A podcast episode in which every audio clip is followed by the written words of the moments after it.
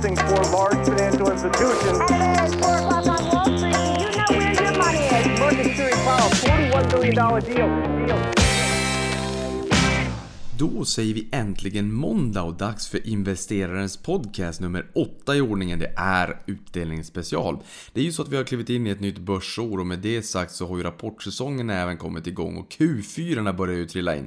Men Q4 är ju också synonymt med årsboksluten för vi har ju faktiskt vänt blad och fått in i ett nytt börsår och det innebär ju också att vi får eh, boksluten. Och i boksluten så ligger ju förslag till årsstämman att besluta om utdelning också för räkenskapsåret 2017. Alltså de slant slantarna man då tjänade in under förra året. så ska man bestämma hur mycket behöver vi ha kvar i bolaget och hur mycket kan vi dela ut till aktieägarna.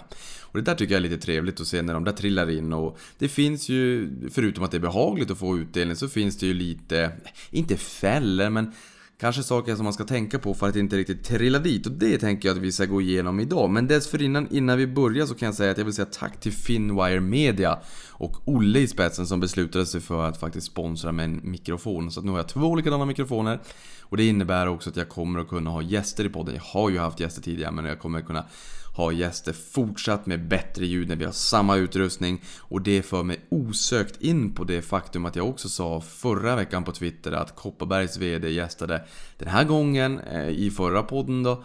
Men det kommer att komma nya gäster framåt och ni får jättegärna komma med förslag för vilka gäster ni vill ha i podden.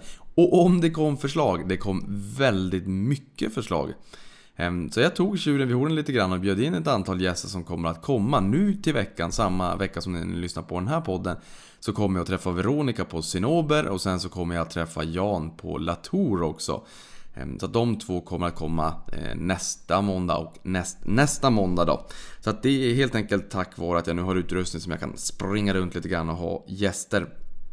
Sen i den här podden också, jag har sagt tidigare att jag jättegärna vill knyta kontakter lite, lite grann runt om i världen för att få en annan input. Inte bara från Sverige utan även från andra delar av världen. Vad det är fokus på där och vad man pratar om och kanske bolag som man har träffat eller hur man tänker kring investeringar och börser som har varit, det som kommer, vad som är hett just nu. Ja, ni förstår. Ehm, så jag har frågat Franklin Templeton om inte de kan be deras förvaltare analytiker Jonathan Curtis i Silicon Valley prata lite grann om techbolagen. Jag var ju i Silicon Valley med några kollegor i november förra året 2017. En, ehm, en fantastiskt trevlig upplevelse med, med, besök både på eh, Tesla och Electronic Arts och Equinix och flertal bolag helt enkelt kan man säga. Och det där var vi även på Franklin Templeton och tyckte det var riktigt intressant. Jag försökte göra en intervju här med, med Jonathan men vi hade en hel buss som var knökfull i folk och vi hade ett tight schema att förhålla oss till så vi var tvungna att bryta den intervjun. Och då frågade jag istället om vi inte kunde göra som så att de eh, svarade svarar på lite frågor härifrån eh, som de spelar in i sin studio och skickar över till mig och, och där kommer vi att exklusivt få lyssna på Jonathan Curtis vad de tycker, eller vad han tycker om techåret 2017, framtidsutsikterna 2018 och vilka techbolag som de har i portföljen och vilka teman de tycker är extra intressanta och eh, sist men inte minst varför de tycker det. Eh, men sist men inte minst som sagt, det, temat för dagens podd är ju utdelningar och jag säger som John D. Rockefeller eh, sa en gång i tiden. Do you know the only thing that gives me pleasure? It's to see my dividends coming in. Och med det sagt så startar vi igång den här utdelningsspecialen.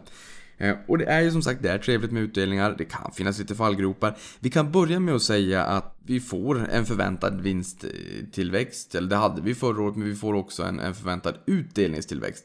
För utdelningen är ju en, en andel av vinsterna eh, och stiger vinsterna så kan man ju också ana att utdelningen stiger. Det har den ju gjort även under finanskrisen, då steg ju inte vinsterna, det kan man ju inte säga.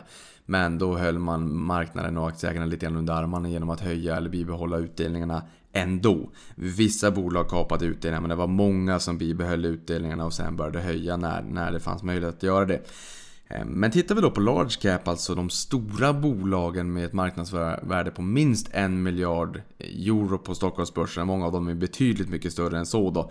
Där förväntas det delas ut 263 miljarder kronor för räkenskapsåret 2017 som delas ut nu 2018. Och det här kan jämföras med 251 miljarder i fjol. Så där har vi en nätt utdelningstillväxt på 4,78%. Och det kan man ju säga, det är ju löneförhöjningen i portföljen helt enkelt. Eh, och man Kan också säga att large cap är representabelt för hela börsen. För jag kikade lite närmare på det där och då insåg jag ganska snabbt att Eh, large cap-listan står för lite över 90% av det totala värdet på hela Stockholmsbörsen. Large, mid och small cap då. Sen kan vi också säga att Martin Guri på Nordea tror samtidigt att direktavkastningen kommer landa på ungefär 3,8% i år mot fjolåret som landade på ungefär 3,7%. Eh, och då kan man ju tänka sig, men hmm, aktiekurserna har ju faktiskt stigit. Ja, men det har ju vinsterna också gjort. Det här förväntas vinsterna stiga ytterligare 10% i år. Sen får vi se om den förväntningen eh, materialiseras. Och någonting annat som är intressant också, det är det här skattepaketet i USA som har klubbats igenom då när skatten går från 35% ner till 21%. Det gör ju att utdelningsandelen på de amerikanska bolagen faktiskt sjunker. Så även om de bibehåller eller kanske höjer utdelningen lite grann så kan det ändå vara så att utdelningsandelen, alltså den andelade Alltså utdelningens andel av vinsten kan sjunka lite grann. Därför att om det är så att skattetrycket eh, sänks, ja men då kommer det finnas mer pengar kvar på sista raden. Ungefär som att skatten på din lön skulle sänkas, ja men då blir det mer lön kvar på kontot helt enkelt. Men vad är då utdelning för någonting? För alla som inte liksom hänger med i det där. Det är ju som jag sa här tidigare att bolagen tjänar pengar och sen i slutet på året så funderar man Hmm, nu har vi tjänat 100 kronor. Vad ska vi göra med de här 100 kronorna? Vi kanske behöver 50 kronor för att eh, öppna nya butiker om det är en dagligvaruhandel, nya butiker, expandera i nya marknader kanske, eller investera och fräscha upp och förbättra de butikerna vi redan har. Ja, vi behåller 50 kronor. Men de andra 50 kronorna, mm, de behöver vi ju inte riktigt. Så att de delar vi ut till aktieägarna. Eh, och det är just det här med, det är ju själva utdelningen, alltså kronor och ören, men på börsen så pratar man ju ofta om direktavkastning. Och det är ju utdelningen i förhållande till aktiekursen. Så står en aktie i 100 kronor och man delar ut 5 kronor. Ja, 5 kronor på en hundralapp, det är ju 5%. Och det är ju inte svårare än så, eh, än att när man går till banken och försöker hitta det bästa bankkontot för sina sparslantar, då jagar man ju direktavkastning, man jagar ju inte utdelning. Det är ju inte så att jag går med 100 000 kronor och säger hmm, jag vill ha en utdelning på 1000 kronor, det vill säga 1%. Utan man säger jag vill ju ha en, en, eh, en ränta på 1%. Räntan i det här fallet blir ju samma sak som direktavkastningen. Man vill ha en direktavkastning på 1%. Ehm, så att utdelningen det är som kronor och ören och Eh, direktavkastningen det är som räntan. Och direktavkastningen kan ju bolagen inte påverka. Det beror ju helt och hållet på aktiekursen och aktiekursen är det du och jag och alla andra på börsen som styr över. Beroende lite grann på sentiment om börsen är glad eller om den är sur och om man vill äga eh, aktier och det är risk on eller risk off. Det enda bolaget kan styra det är ju utdelningen. Och det här är ju egentligen samma sak som investmentbolag. Där brukar man ju prata om hmm, okej. Okay, är det substansrabatt eller är det premievärdering? Alltså kan jag köpa 100 kronor värde i investmentbolaget för 90 kronor eller för 110?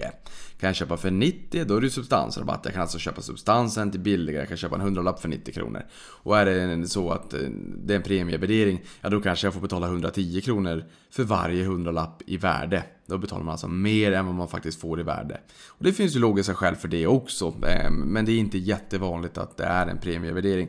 Eh, det investmentbolagen kan styra över, det är ju substansvärdet. Alltså hur utvecklas värdet på de tillgångarna som investmentbolaget äger. Samma sak när det kommer till utdelning. Det, är ju, det bolaget kan styra över, det är ju att man ser till att utdelningen kan stiga över tid. Men direktavkastningen Ja, det blir ju en funktion av hur stor är utdelningen då i förhållande till aktiekursen. Och aktiekursen, den styr ju inte bolaget över. Absolut inte i det korta perspektivet. I det lite längre perspektivet, ja då bör det ju rimligtvis vara så att aktiekursen eh, har en följsamhet med hur det faktiskt går för bolaget i stort när det kommer till försäljning och vinst etc. Eh, det är ungefär som att säga att en biltillverkare inte kan styra över hastigheten. En biltillverkare kan tillverka en bil. Och den kan se till att bilen går från 0 till 100 km i timmen. Men den kan ju inte påverka hur snabbt du kommer att köra. För det beror på hur, hur tung fot du har. Och när jag säger 0 till 100, det är alltså en utdelningsandel på 0 till 100%. Det kan ju bolaget styra över. Alltså hur stor del av vinsten ska vi dela ut? Ska vi dela ut 0% av vinsten? Eller ska vi dela ut hela vinsten? Ehm, det kan bolaget styra över, men direktavkastningen styr man inte över. Man styr inte heller över hur snabbt du kör i din Volvo. Eh, även om det är Volvo som har tillverkat bilen. Men jag har satt ihop lite punkter för vad jag tycker är ganska viktigt när det kommer till just utdelning. Ehm, som man ska tänka lite extra noga på. Den första är, man ska väl tycker då att man ska ställa sig frågan om det är så att man vill ha en hög direktavkastning utdelningstillväxt eller en hög totalavkastning. Och det här är inte så enkelt. Jag vill nog ha en hög totalavkastning. Och det jag menar med det är att jag vill att min placering, min investering ska stiga så mycket som möjligt. Och de två komponenterna som utgör totalavkastning, ja det är ju kurstillväxt, alltså att man köper en aktie på 100 kronor och sen stiger den till 120, att, att aktien stiger i pris. Eh, det är ju alltså kurstillväxten då, plus utdelningen. De två tillsammans utgör ju totalavkastningen. Eh, en hög direktavkastning innebär ju egentligen bara att du kikar på vilka bolag eh, som finns på börsen och vilka som ger utdelning och så här. Vilken ger mest ut, eh, utdelning i förhållande till aktiekursen? Ja, det blir ju det bolaget som har högst direktavkastning. Oftast så kan det dock vara så att om man fokuserar på bolagen som har hög direktavkastning, det kan vara 7, 8, 9% kanske. Ehm, börjar man röra sig i 7% och därutöver då ska man nog dra öronen åt sig. Det är väldigt hög direktavkastning. Och antingen är det så att det är någonting man kanske ska kika lite närmare på. Det kan ju vara så att utdelningen är fast. Den tittar man alltså på förra året. För är det så att vi inte har fått bokslutet för 2017, ja då kollar vi på vad var det för utdelning i fjol. Vilken utdelning fick vi 2017? Som baserades på 2016 års intjäning. Ja, den kan ju ha legat på 7 eller 8 kronor eller vad det kan tänkas vara. 8 kronor och så står aktiekursen i 100 kronor. Men det är kanske så att aktiekursen har fallit väldigt mycket. Vilket har gjort att aktiekursen, den kanske stod i 200 kronor den här aktiekursen. Och står den i 200 kronor och bolaget ger en utdelning på 8 kronor. Det är ju 4% i direktavkastning. Sen kanske någonting händer, det blir lite jobbiga framtidsutsikter för det här bolaget. Där de säger att mm, marknaden blir lite jobbig, vi kommer inte kunna tjäna lika mycket pengar, marginalerna kommer falla, det blir bistrare tider. Då drar ju marknaden åt sig öronen direkt. Aha, det här låter jobbigt. Och så faller aktiekursen från 200 kronor ner till 100 kronor. Och sen så tittar vi på, ja nu står ju aktiekursen i 100 kronor och förra gången det begav sig var utdelningen 8 kronor. Det är ju 8%. Men det är ju inte säkert att bolaget kommer att ge 8% så att, det, så att man bara inte landar i den här värdefällan. Så att är det ett bolag med en hög direktavkastning, fundera på varför är direktavkastningen hög? Och det är ju så att man vill ju inte bara ha direktavkastningen. Säg att den ligger på 8%, man delar ut nästan hela resultatet. Det är kanske en, en, ett bolag i en mogen bransch. Då kanske inte vinsterna kommer växa jättemycket och över tid så kanske man inte får mer än 8% då. Och det tycker jag att man kanske åtminstone önskar sig att få lite mer än så. Sen har vi utdelningstillväxt. Kan det vara så att man vill ha man kanske nöjer sig med lite lägre direktavkastning men där man ser att det är bolag som har lyckats höja utdelningen ganska mycket över tid. Alltså 6, 7, 8, 9, 10, 11, 12, 15 procent kanske i ganska många år i följd. Det är ju löneförhöjningen i portföljen. Jag skulle nog säga att jag eh, förordar själv personligen en hög totalavkastning som prio 1. Det är så att jag bryr mig inte vart avkastningen kommer ifrån om det är så att kursen stiger mycket eller att det en, en, eh, en fin utdelning jag får på kontot så länge totalavkastningen alltså på, på investeringen då blir så bra som möjligt. Och sen så förordar jag nog också just utdelningstillväxt. Det vill säga att utdelningen stiger över tid. Det trevliga också när det är lite jobbigt på börsen det är ju att utdelningen i portföljen den tenderar att eh, röra sig betydligt mycket mindre än vad aktiekurserna gör i portföljen. Så har du konto på Avanza, så som jag har, in på, eh, på översiktssidan och titta på hur utdelningen har stått sig över tid. Jag kan lova att den grafen tycker jag personligen när jag tittar på utdelningen från 10 år tillbaka och ser att över tid, år över år, över år, över år så tenderar den här utdelningen att, att stiga. Det är ett stapeldiagram som man ser staplarna år över år är betydligt mycket trevligare än att få ont i magen för att börsen svänger i det korta perspektivet. Nåväl, eh, nu har vi stått på punkt 1 alldeles, alldeles för länge. Sen kan jag säga att var försiktig med bolag som har högst direktavkastning. Det är ju som egentligen redan sagt. Men vi kan väl dra en parallell där till Telia och Rata som jag har gjort tidigare också. Ehm, de bolagen var bolag som hade en hög direktavkastning. Välkända namn också. Telia hade en, en utdelning på 3 kronor och sen så här förra året så var man tvungen att kapa den ner till 2 kronor. Ratos har haft en utdelning på 6 kronor, den kapade man till 3 kronor. Och det blir ju lite grann guldet som blev kattguld, för jag tror tyvärr att många har köpt de här bolagen för att man sett aha! Här är det en riktigt fin direktavkastning. Och sen så blev det ju inte riktigt så heller. Och det där blir lite jobbigt om det som man köper ett case bara på grund av just eh, direktavkastningen. Så det är det jag menar, är den väldigt hög, dra öronen och återtitta. titta, hmm, vad kan det bero på? Och sen köp kvalitet med god historik av stabilitet, tillväxt och lönsamhet. För det är ingen hemlighet att det som driver en fin utdelning, eller en fin utdelningstillväxt ska sägas, det är ju att vinsten stiger över tid. Det för utdelningen är ju en andel av vinsten. Säg att eh, bolaget säger att ja, men vi ska dela ut 50% av resultatet. Ja, men ett resultat som då stiger från i år till nästa år. Ja, då blir den här 50-procentiga andelen större. För att om det är så att man ska dela ut 50% av vinsten, ja en vinst som stiger, då kommer också utdelningen att stiga för utdelningen är en andel av vinsten helt enkelt. Så att just den stabiliteten, man kan kolla liksom, har bolaget gett utdelning historiskt och har det varit så att man har lyckats bibehålla eller höja utdelningen? Hur trendar vinsten? Ökar försäljningen? Är marginalerna stigande eller någorlunda ehm, på samma nivå, att de håller sig där och stiger eh, vinsten helt enkelt. Det kan ju borga för att det kan bli en, en någorlunda betryggad utdelning framåt. Är det så att eh, försäljning och vinster faller, ja då kan det bli lite jobbigt. Då kan det nog vara så att man inte riktigt kan räkna med att bolaget kommer att kunna bibehålla utdelningen. Sen, eh, bara för att få en liten känsla för det här så kan man titta på bolagets utdelningspolicy. Och det stipulerar man i årsredovisningen allt som oftast.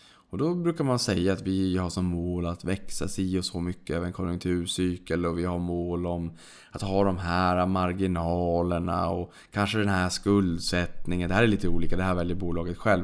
Och sen har man ofta en utdelningspolicy också där man säger att ja, men utdelningen ska vara 50% Ehm, av resultatet givet att finanserna tillåter över en konjunkturcykel. Och då kan vi också säga att i Sverige så ligger utdelningen på Stockholmsbörsen på ungefär 30-70% bland de bolagen som ger en utdelning. Så där någonstans. 30-70 det är ju nästan hela spektrat i och för sig, ja jag förstår det. De som eh, delar ut lite mindre, ja de kanske hittar bra sätt att faktiskt sätta pengarna i arbete och inte vill dela ut hela slanten. Och bolag som är lite mer mogna Ja men ta Telia som exempel då. Är lite mer moget, växer inte lika snabbt. Ja, där brukar man ofta se generellt att man delar ut en lite större andel av, av vinsten. Så det där kan nog vara en tumregel. Bolag som växer väldigt snabbt, där tenderar man att inte dela ut lika mycket för att det, det kostar att växa. Och man behöver ofta kapital för att lyckas växa. Och är bolagen å andra sidan då i mer mogna faser av sin livscykel kanske inte växer lika mycket men är liksom stabila kassakor som man brukar kalla det. Ja, då brukar utdelningsandelen eh, vara eh, desto högre. Då kanske det är 70 eller 80% eller vad det kan tänkas vara. Så in just på ditt bolag och titta. Vad är utdelningsandelen egentligen? Och är det så att bolaget har en ganska vettig direktavkastning med en ganska låg utdelningsandel, ja det borgar ju för att de kommer att kunna höja den här utdelningsandelen över tid. Så även om det är så att vinsten står stilla så kommer de fortfarande kunna, om de vill, höja utdelningen. Vilket en oförändrad aktiekurs också ger dig en högre direktavkastning helt enkelt.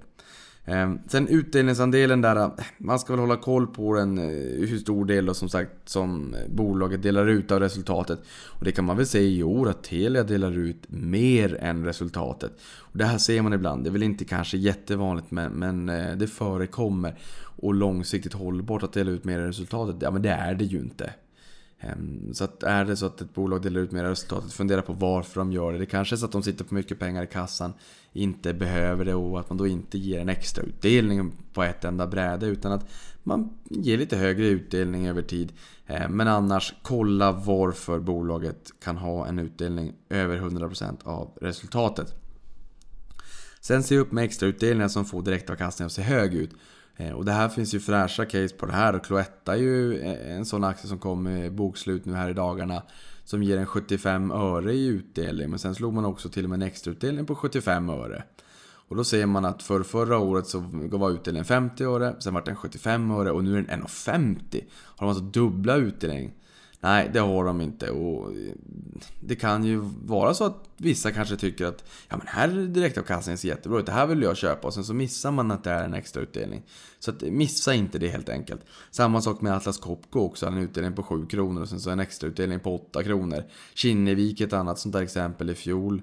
Som sålde Avito.ru och ryska Blocket-kopia. Eh, ja, Blocket-kopia får man ju säga då. Ehm, och behövde inte alla pengarna så gav en extra utdelning och gjorde att eh, utdelningen eh, var väldigt fin. Direktavkastningen blir väldigt hög. Men det är ju ingenting som kommer att komma kontinuerligt över tid utan det heter extrautdelning av en anledning helt enkelt. Sen kan man väl säga att ocykliska branscher är nog betydligt tryggare än de cykliska branscherna om det är så att man vill ha en vettig eh, utdelning, okej okay, direktavkastning som kanske tenderar att vara stabil över tid.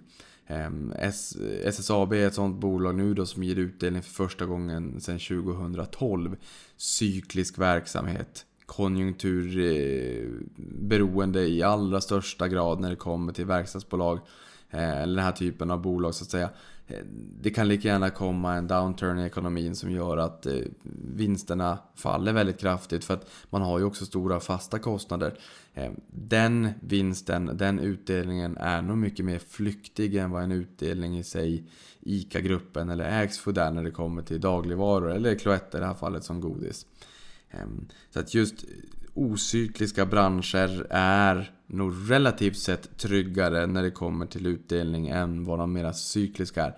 Så är det så att man vill sova gott om natten, man vill ha en portfölj som karaktäriseras av utdelning, kanske för att man antingen för att man gillar utdelning och det är så man vill ha det och det är ens investeringsfilosofi. Eller att det är så att man kanske är i den fasen av livet att man faktiskt vill leva på utdelningen och få en liten guldkant på tillvaron. Ja, då kanske det kan vara värt att titta på de sektorerna, de branscherna som har mera stabilitet i vinsterna. Där vinsterna då inte svänger lika mycket beroende på konjunkturen och allmänna läget i ekonomin. Ehm, helt enkelt.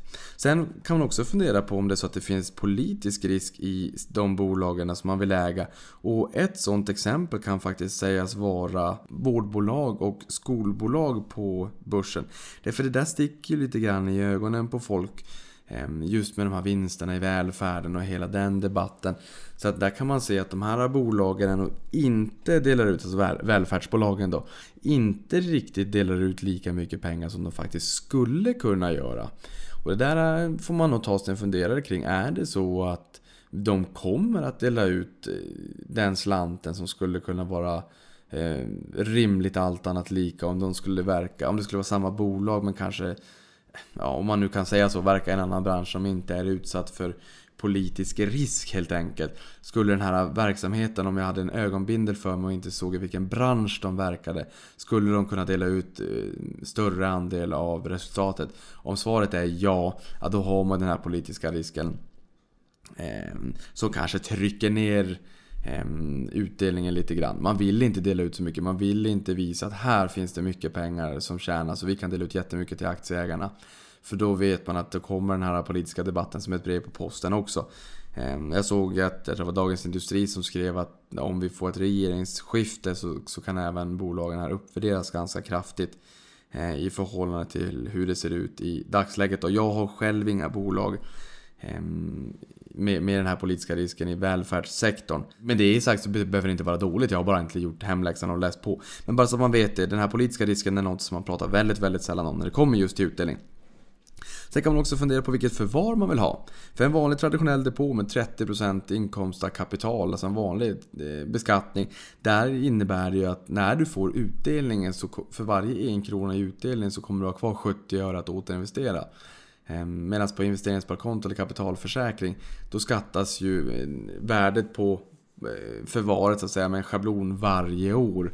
Och utdelningen blir då per definition skattefri. Så den kan man fortsätta att återinvestera utan den här avbränningen så att säga. Men, men sen har du ju en avbränning på hela kapitalet. Men skatten på de här schablonskattade kontona, kapitalförsäkring och ISK är ju eh, väldigt förmånliga.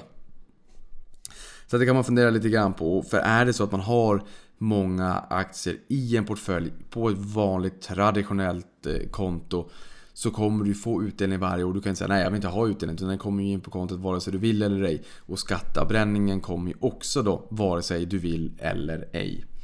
Eh, och vi sa ju här i början att direktavkastningen, den förväntade direktavkastningen på Stockholmsbörsen ligger på 3,8%.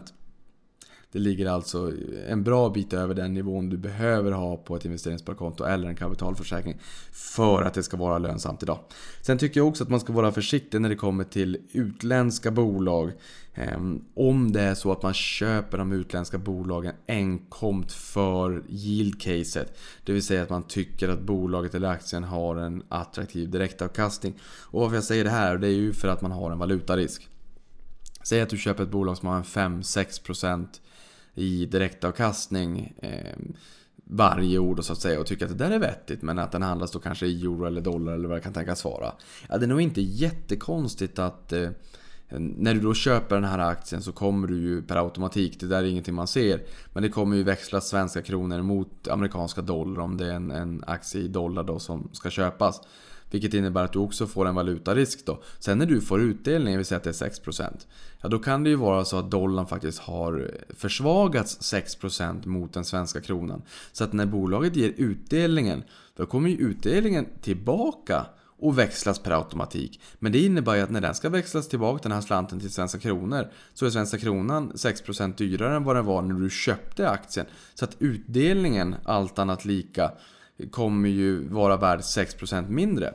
Så att eh, 6% i direktavkastning men en valuta som har fallit 6%. Det blir plus minus noll. Ehm, så att var försiktig när det kommer till ehm, investeringar i utländska bolag om det bara handlar om direktavkastningen. Man är ganska känslig för valutafluktuationerna och det är nog ganska enkelt för en, en tillgång i utländsk valuta att svänga de här procentenheterna ett par, tre, fyra, fem, sex procentenheter som gör att, att just caset kring direktavkastningen faller lite grann. Sen har vi återköp också. De bolagen som har varit riktigt duktiga på återköp sällar sig till en eh, liten skara i bolag. Jag tror att Swedish Match på Stockholmsbörsen är de som har varit duktigast när det kommer till återköp. Eh, och det här är ju något som är väldigt vanligt i USA. Eh, betydligt vanligare än vad det är i Sverige. Och, och det här är ju också ett sätt att återföra värde till aktieägarna. Det är ju inte bara så att man kan behöva göra utdel eller ge utdelning, alltså en vanlig traditionell utdelning. Utan man kan ju även göra återköp. Och det innebär ju att bolaget självt köper tillbaka egna aktier, inte sällan över börsen. Ehm, men det viktiga här det är ju att se att, för här behöver ju bolaget vara lite grann av en stockpicker. Bolaget måste ju veta att det är rätt läge att köpa aktien. Så att man inte köper för dyrt. Man ska ju köpa när det är billigt och sälja när det är dyrt sägs det. Eh, och Fingerprint är ju ett skolboksexempel på det här eh, när man köpte eh, tillbaka aktier i, i bolaget som sen totalt kollapsade.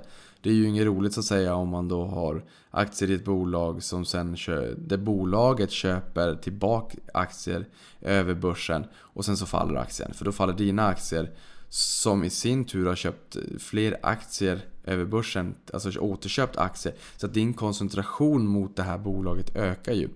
Ehm, så att eh, Tipset där kan väl vara att om det är bolag som eh, frekvent har gjort återköp på börsen som du antingen äger i dagsläget eller vill äga. Kika tillbaka på de återköperna som har gjorts tidigare. Har de gjorts till bra nivåer? Eller har det blivit lite sämre affärer?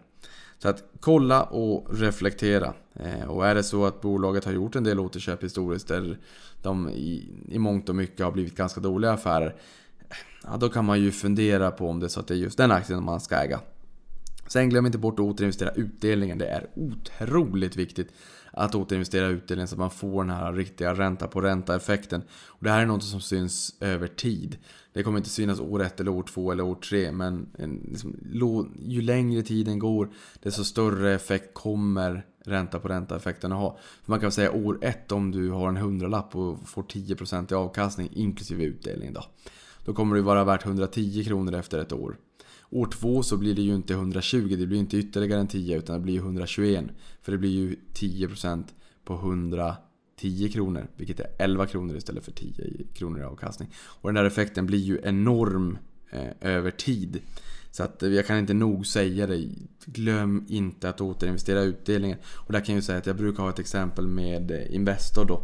Eh, som, om man går in på Investor och eller googla Investor och sen Investor Relations kommer man in på deras sida för investerarrelationer. Alla börsnoterade bolag behöver ha en sån här sida. Kan man gå in och titta på aktien och på totalavkastning. Backa bak så långt man bara kan. Det är till 1987 för 30, eller ja, 31 år sedan då tyvärr. Så när jag föddes så kan man se att eh, aktiekursen har stigit 2049% eh, idag söndag när det här spelas in då. Eh, och utdelningen har varit 4349% dubbelt så mycket. Totalavkastning på eh, 6399% eller en årlig avkastning på 14,4%. Min poäng här är att två tredjedelar är utdelning och en tredjedel är kurstillväxt. Det hoppas jag kan sätta tonen för att förstå hur otroligt viktig den återinvesterade utdelningen faktiskt är över tid. Sen har vi ju också Ratos Ehm, i årsredovisningen på sidan 22 från 2011 där de skriver att den som förvärvade aktier i Ratos för 1000 kronor i samband med börsnoteringen, alltså IPO'n, eh, om vi ska prata engelska, Initial Public Offering, eh, 1954 har idag en tillgång värd 8,5 miljon. Ehm, för de som har följt Ratos sedan 2011 eh, så vet ni ju att det har ju inte varit en, en rolig resa sedan dess. Men det här är likväl ett bra ett exempel.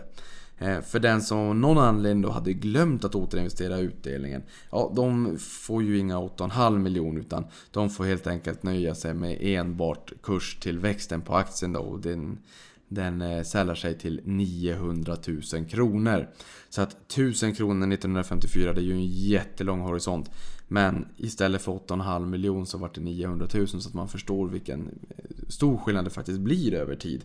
Sen vet jag att alla som lyssnar på det här kanske inte har en buy and hold strategi för, för evigt så att säga. Men, men har man en någorlunda lång horisont så, så är det faktiskt viktigt ändå att faktiskt tänka på att just återinvestera. Om det inte är så att man behöver pengarna.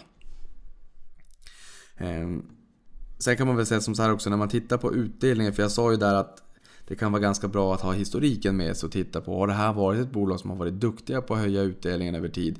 Och om då också försäljningen och vinsten har stigit ehm, så borgar ju det för att även då utdelningen eh, har stigit och kommer att stiga fortsatt. Och Castellum är ett bolag som, ett fastighetsbolag då som här i veckan nu aviserade sin eh, 20 utdelningshöjning. De har höjt utdelningen 20 år i rad. Och då gick, gick jag in och tittade att 1970, 1997 eh, så delade de ut 137,5 miljon. Och nu då, eh, 20 år senare, så delar de ut 1,4 miljarder, det vill säga 10,5 gånger mer. Men det jag vill säga här, är att man inte inte riktigt ska titta på utdelningen per aktie. För det kan ju vara splittar och omvända splittar och utspänningar och allt vad det kan tänkas vara. Så att titta hellre på den totala utdelningen i kronor och ören så som jag gjorde här då. 137,5 miljoner 97 mot 1 miljard 447 miljoner då 2017.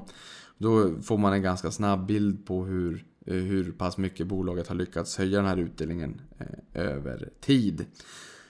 Sen kan man ju också fundera på egentligen varför bolag delar ut pengar och det är lite grann som jag sa där att man funderar lite grann kring vilka pengar behöver vi i rörelsen för att fortsätta och, och förädla vår verksamhet och skapa aktieägarnytta. Och att ha för mycket pengar, ja nu inte för att prata om idag när räntorna är negativa och man inte får ha för mycket pengar på bankkontot, det är faktiskt sant som företag. Eller att man får betala för det. Så är det ju så att i det, det tidevarv vi lever i så de flesta bolagen med sig på Eh, lönsamhet och räntabilitet på det egna kapitalet. Och det här är ju lite grann att eh, om man då har för mycket pengar. Det är ju som att springa Lidingöloppet med, med en och två extra bilringar kring midjan. Om det nu inte är så att man behöver det. Det vill man ju inte för det blir ju jobbigt. Det är ju samma sak egentligen som att bolag. Varför ska man sitta med två miljoner på kontot om man klarar sig gott och väl med en miljon? Det är för vinsten kom, som man gör eh, varje år ställs ju i relation till de tillgångar man har ställt till förfogande till bolaget. Både likvida medel, alltså pengar på banken, och, men även maskiner och fabriker och allt vad det kan tänkas vara. Så många bolag vill ju hålla det egna kapitalet så slimmat som möjligt. Att man vill inte ha mer kapital eh, eller pengar än vad man faktiskt behöver för att driva verksamheten. Det blir, bara, det blir bara dumt. Och det får ju också lönsamheten att se mycket sämre ut än vad den är. För ta ett bolag som då tjänar 100 000 kronor. Ja, om man har tillgångar på en miljon. Ja, då är ju 100 000 på en miljon. Då har man ju en räntabilitet på det egna kapitalet på 10%. Eh, Men är det så att man bara för skojs skull lagt in ytterligare en miljon som man bara har på bankkontot och aldrig rör.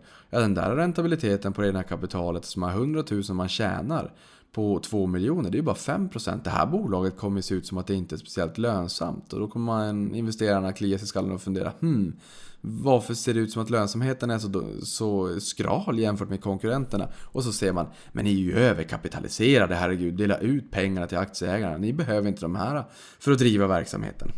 Sen kan vi säga som så här, i USA så har vi ju, de favoriserar ju lister till höger och vänster. Och två listor som är ganska populära när det kommer till utdelningsinvesteringar är Dividend Kings och Dividend Aristocrats. Och Dividend Aristocrats är bolag på S&P 500 eh, som har lyckats höja utdelningen 25 år i rad. Eh, vilket är en väldigt bra streak. Har man höjt utdelningen 25 år i alltså inte bara gett utdelningen 25 år utan faktiskt höjt den varje år i 25 år. Så att in på Google och googla Dividend Aristocrats så får du upp en lista på vilka bolag det är. Sen har vi också en mer anrik lista än så som heter Dividend Kings. Ehm, och det innebär att bolagen har lyckats höja utdelningen i 50 år i rad. 50 år. Det är ganska lång tid. Och här tycker jag ju att det är ett väldigt starkt signalvärde. För har ett bolag lyckats höja utdelningen 50 år i rad. Ja, då är nog sannolikheten ganska låg att man slopar den. Eh, helt enkelt. För gör man det så kommer det ta minst 50 år till innan man kommer in på den. Och 3M med svensk VD, eh, de höjde utdelningen Eh, för 60 året i rad här i veckan. Så stort grattis till dem. 60 år är eh, riktigt, riktigt lång tid. Och som jag sa här i inledningen också, just det här nya skattepaketet där man sänker skatten i USA från 35 till 21% gör ju också att det blir mer pengar över på sista raden för mindre pengar går till skatt. Det innebär att utdelningsandelen sjunker. Det innebär också att vi kanske kommer att få se lite högre utdelningstillväxt framöver. Och både Dividend Aristocrats och Dividend Kings hade en eh, direktavkastning i snitt på 2,5% i fjol då för 2017. Medan utdelningstillväxten låg på ungefär 8%. Det vill säga att utdelningen steg 8% jämfört med året innan då. Och några av de här Dividend Kings är ABM Industries, American State Water, eh, California Water Services Company, Cincinnati Financial, Colgate Palmolive, eh, både tandkräm och tvålar och allt möjligt som man känner igen.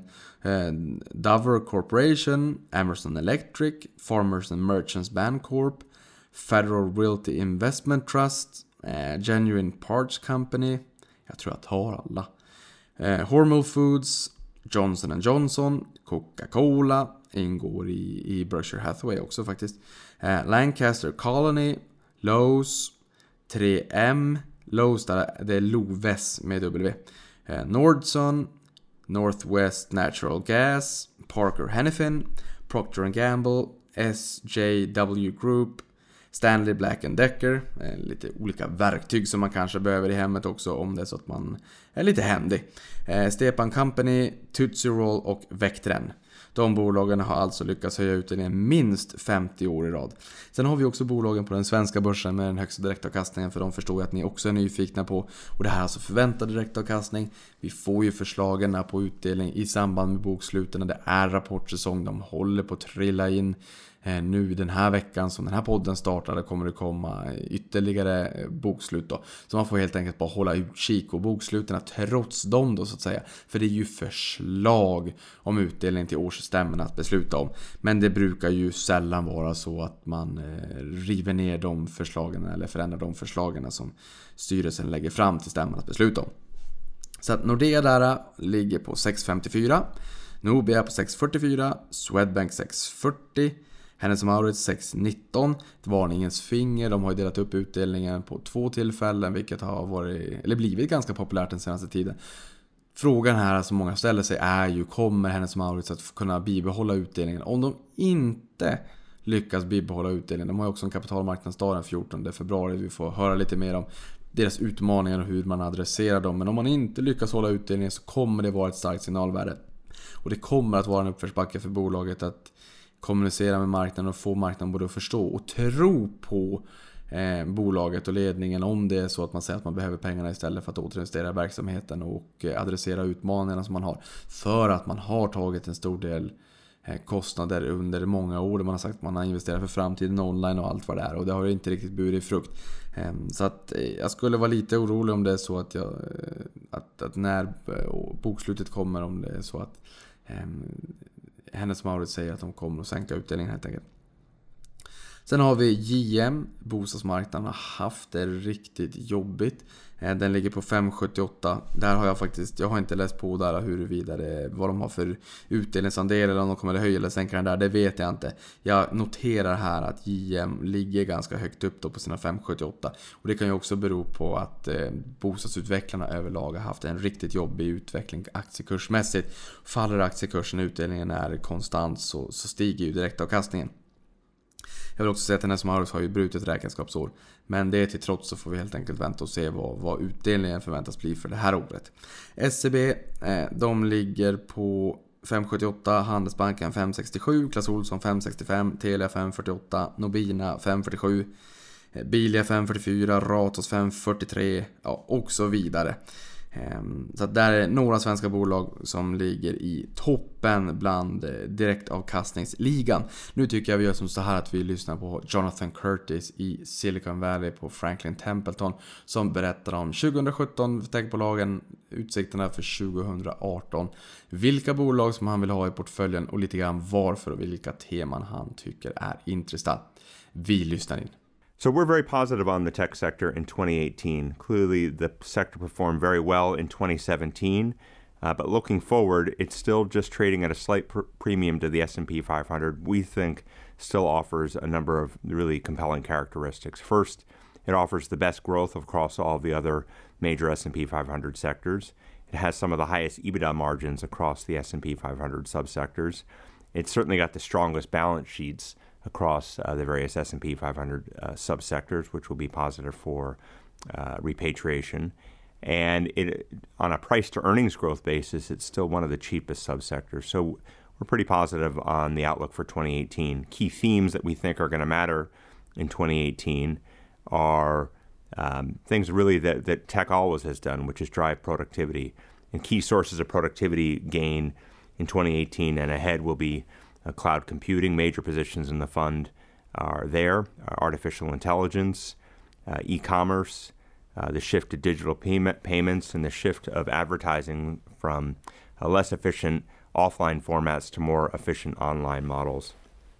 So we think the sector is uh, really high quality, offers really high growth, as evidenced by the growth that's been delivered the past three years and the productivity growth that we think is ahead. We think it's reasonably valued uh, relative to the S&P 500, 500. And of course, it's also one of the, the most liquid sectors with some of the largest companies still offering very, very growth and good margin expansion opportunities as we look at over the next three to five years. Uh, question number two, uh, talk about your thoughts on AI and machine learning and how the Franklin Technology Fund is investing in these opportunities. So we're very positive on AI and machine learning. We believe that we're really at the very beginning of a multi-year investment cycle in artificial intelligence, which we think is going to help to drive significant pro- productivity gains and valuable insights across industries for many years to come. Uh, we look at the AI opportunity really from the supply side and the demand side of the equation. On the supply side, uh, we find the vendors who are really enabling this opportunity, and on the demand side, you find the companies that are going to exploit the opportunities with their unique data sets uh, in AI. So on the demand side, in semis, we have uh, positions in NVIDIA and Xilinx and Samsung. All these semiconductor companies are really well positioned to do well on increased investments in AI. In storage infrastructure, we have a big position in Pure Storage. This company is a partner with NVIDIA and helps uh, enterprise customers keep their AI uh, chips that they buy from NVIDIA fully utilized given their strong performance abilities. And then in cloud services, we have big positions in all of the major public cloud companies, including Amazon, Microsoft, Google, and Alibaba. We also have uh, strong or large positions in their key partners uh, in the network, including Equinix and Interaction.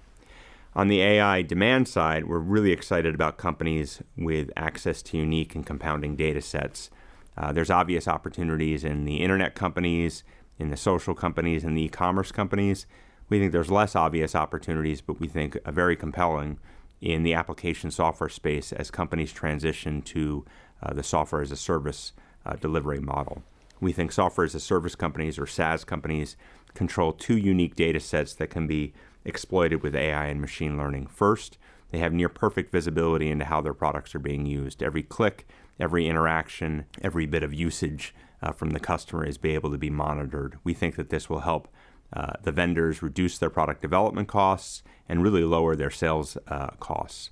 And second, they have their customers' data. And so by having their, their customers' data, they're able to use it to uh, reason across it and find new insights buried within that data and then monetize that data and sell that back to their customers.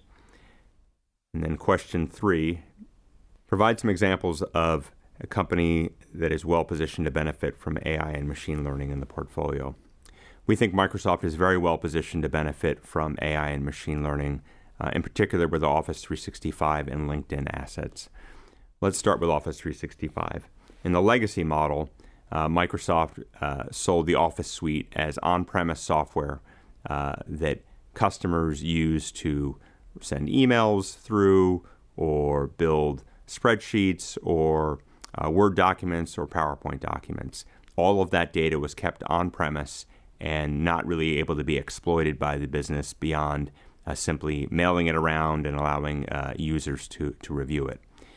In the Office 365 format, Microsoft takes over the responsibility of uh, hosting the email, uh, hosting the chat services, and really um, hosting all of the knowledge documents that are uh, generated on the Office 365 platform. They'll be able to use their really strong abilities in natural language processing to uh, review that content and look for corporate uh, insights and corporate knowledge that can be surfaced to others. Uh, so we think that this will be a really powerful way for businesses to become more productive and, and really learn more out of uh, the documents that are stored on Microsoft's Office 365 offering. Microsoft is also going to combine this data with the, the LinkedIn business that they recently acquired.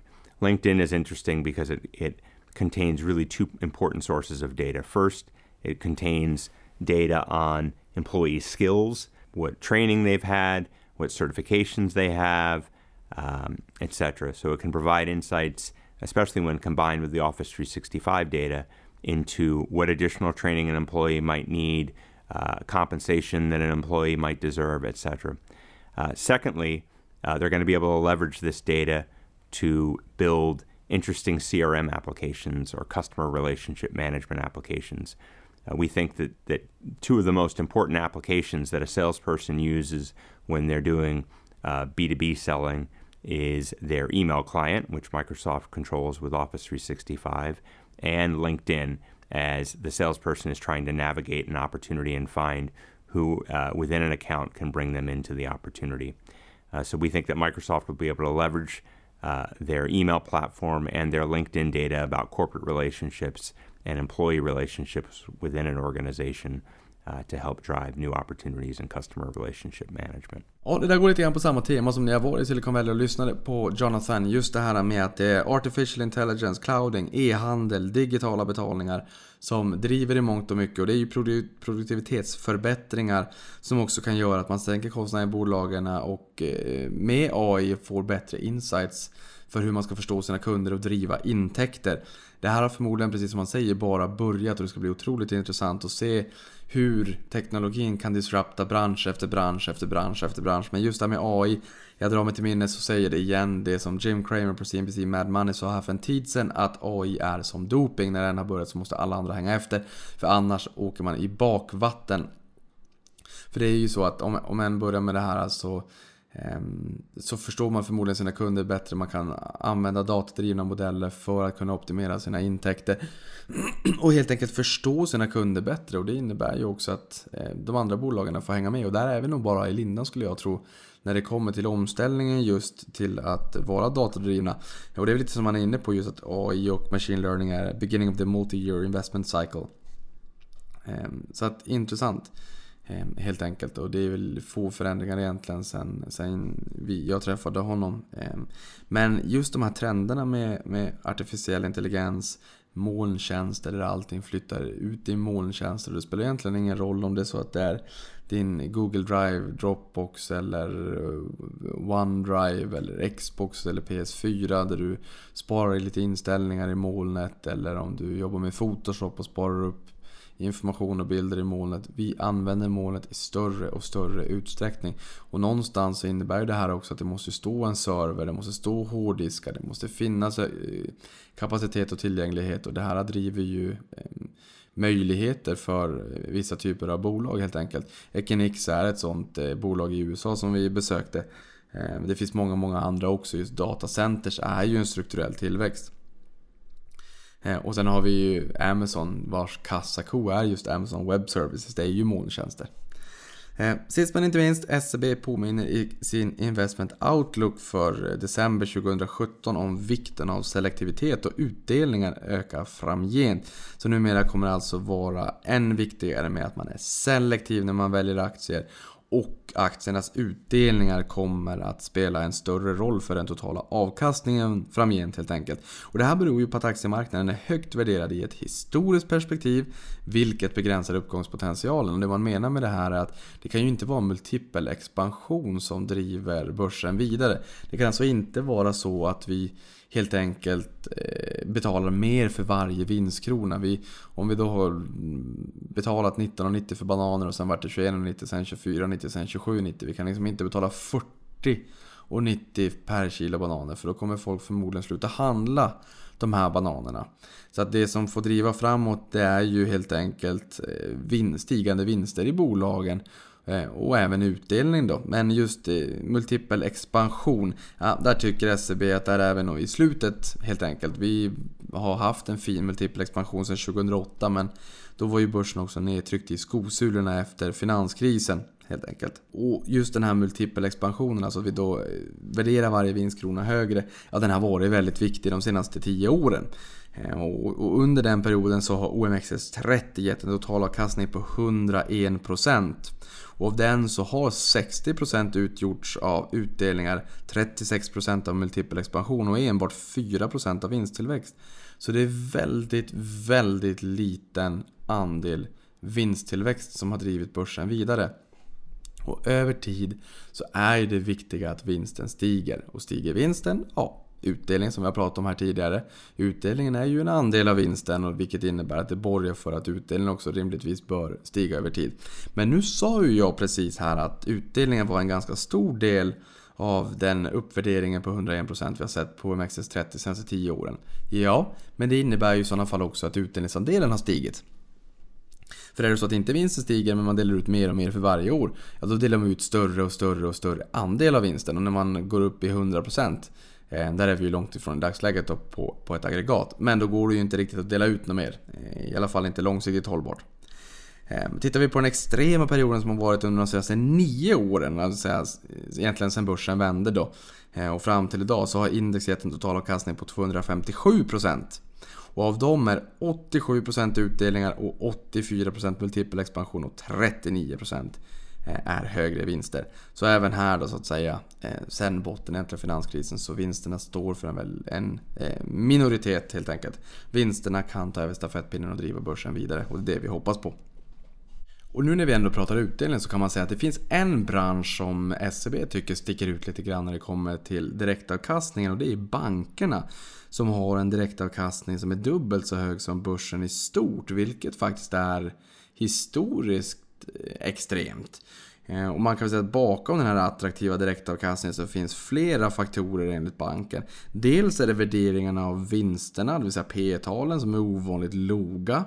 Och sen är det utdelningsandelen som är hög. Och utdelningsandelen är alltså hur stor andel då av resultatet som bankerna delar ut.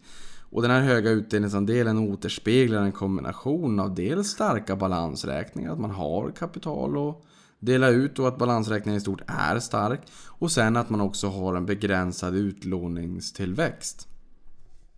Utlåning eh, kräver ju kapital. För lånar man ut pengar så behöver man ju hålla reserver så också. Så att det kostar pengar att låna ut pengar helt enkelt.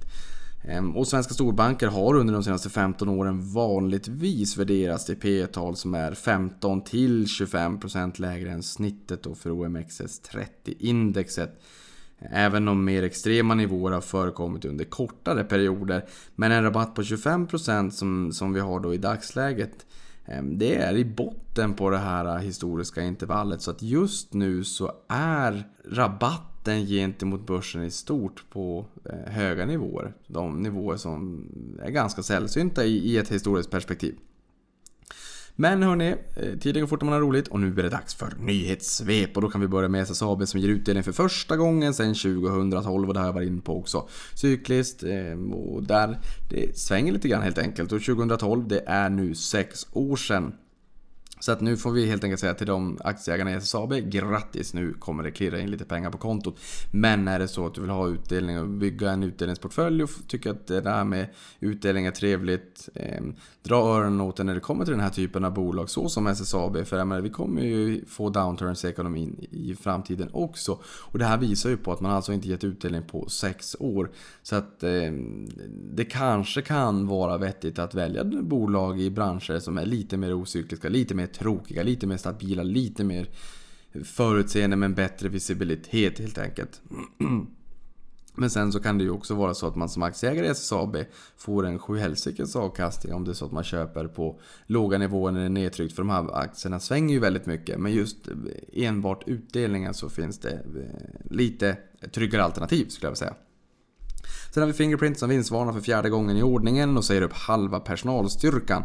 Aktien är ner 17% i år, 76% senaste året och 89% sedan den kom in i OMXS30 den 4 januari 2016. Fingerprint är ju en av börsens mest blankade aktier. Men där så minskade blankarna då till 7,65% av kapitalet istället för 9,78%. Ehm, och 9,78 så närmare 10% det är en otroligt hög siffra när det kommer till blankat kapital. Eh, och blanka kapital det innebär ju att man lånar aktier av någon och säljer de här aktierna på börsen, hoppas att aktiekursen faller. Och sen eh, köper man tillbaka dem över börsen och lämnar tillbaka dem till den man lånade dem till. Så att man säljer på 100 kronor och hoppas att de ska falla till 80, köper tillbaka dem på 80, lånar tillbaka. Mellanskillnaden behåller man, eh, allt annat lika exklusive kostnader. Eh, så att man, man, spekulerar helt enkelt i att tjäna pengar när, när börsen eller en aktiekurs faller.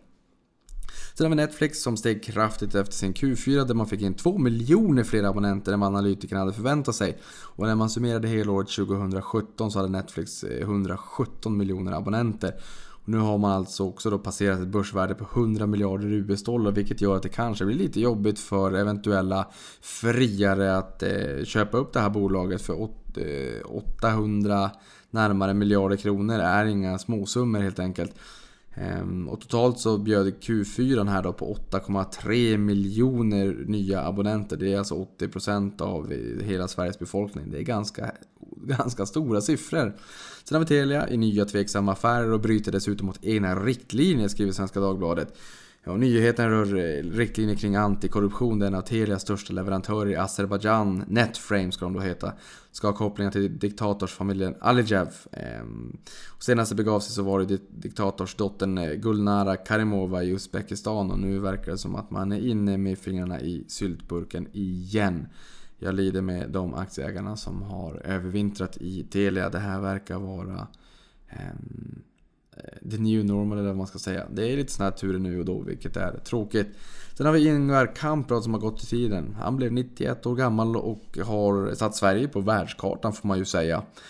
Ehm, samtidigt som han har skapat enormt många arbetstillfällen. Så att vi, vi och jag säger stort tack för det du har gjort för Sverige och eh, vila i frids. Nordea förbjuder samtliga 31 000 anställda att handla med kryptovalutor. Men de som redan har köpt kommer att få eh, behålla dem. De kommer inte tvingas sälja. Sen har vi norska ekobrottsmyndigheten Okokrim som överklagar den friande domen för Hexagons VD Ola Rolén. Så att vi får säga som så här att turerna, de fortsätter. Sen är 76% av S&P bolagen har hittills överträffat vinstförväntningarna för Q4 och just S&P 500 är ju ett bra mått på amerikanska börsen för det är de 500 största bolagen. Så att 76% av eh, USAs 500 största börsbolag har hittills överträffat vinstförväntningarna i det fjärde kvartalet. Eh, sen kan vi också säga att Lyx och Flärd säljer som smör och aktieägarna täljer guld med smörkniv. Ehm, LVMH, lyxkonglomeratet med 70 olika varumärken ökar intäkterna med 13%, resultaten med 29% och utdelningen föreslås höjas med hela 25% eh, i samband med bokslutet. Det är en ganska ordentlig uppgång. Och sen får vi säga sist men inte minst då att det utländska ägandet på börsen är på rekordnivåer enligt Holdings. Ligger på 37% på large cap. Eh, och amerikanerna är överrepresenterade. Stort tack för den här veckan. Nästa vecka får ni lyssna på Veronica från Sinober och veckan efter det så får ni lyssna på Jan på Latour.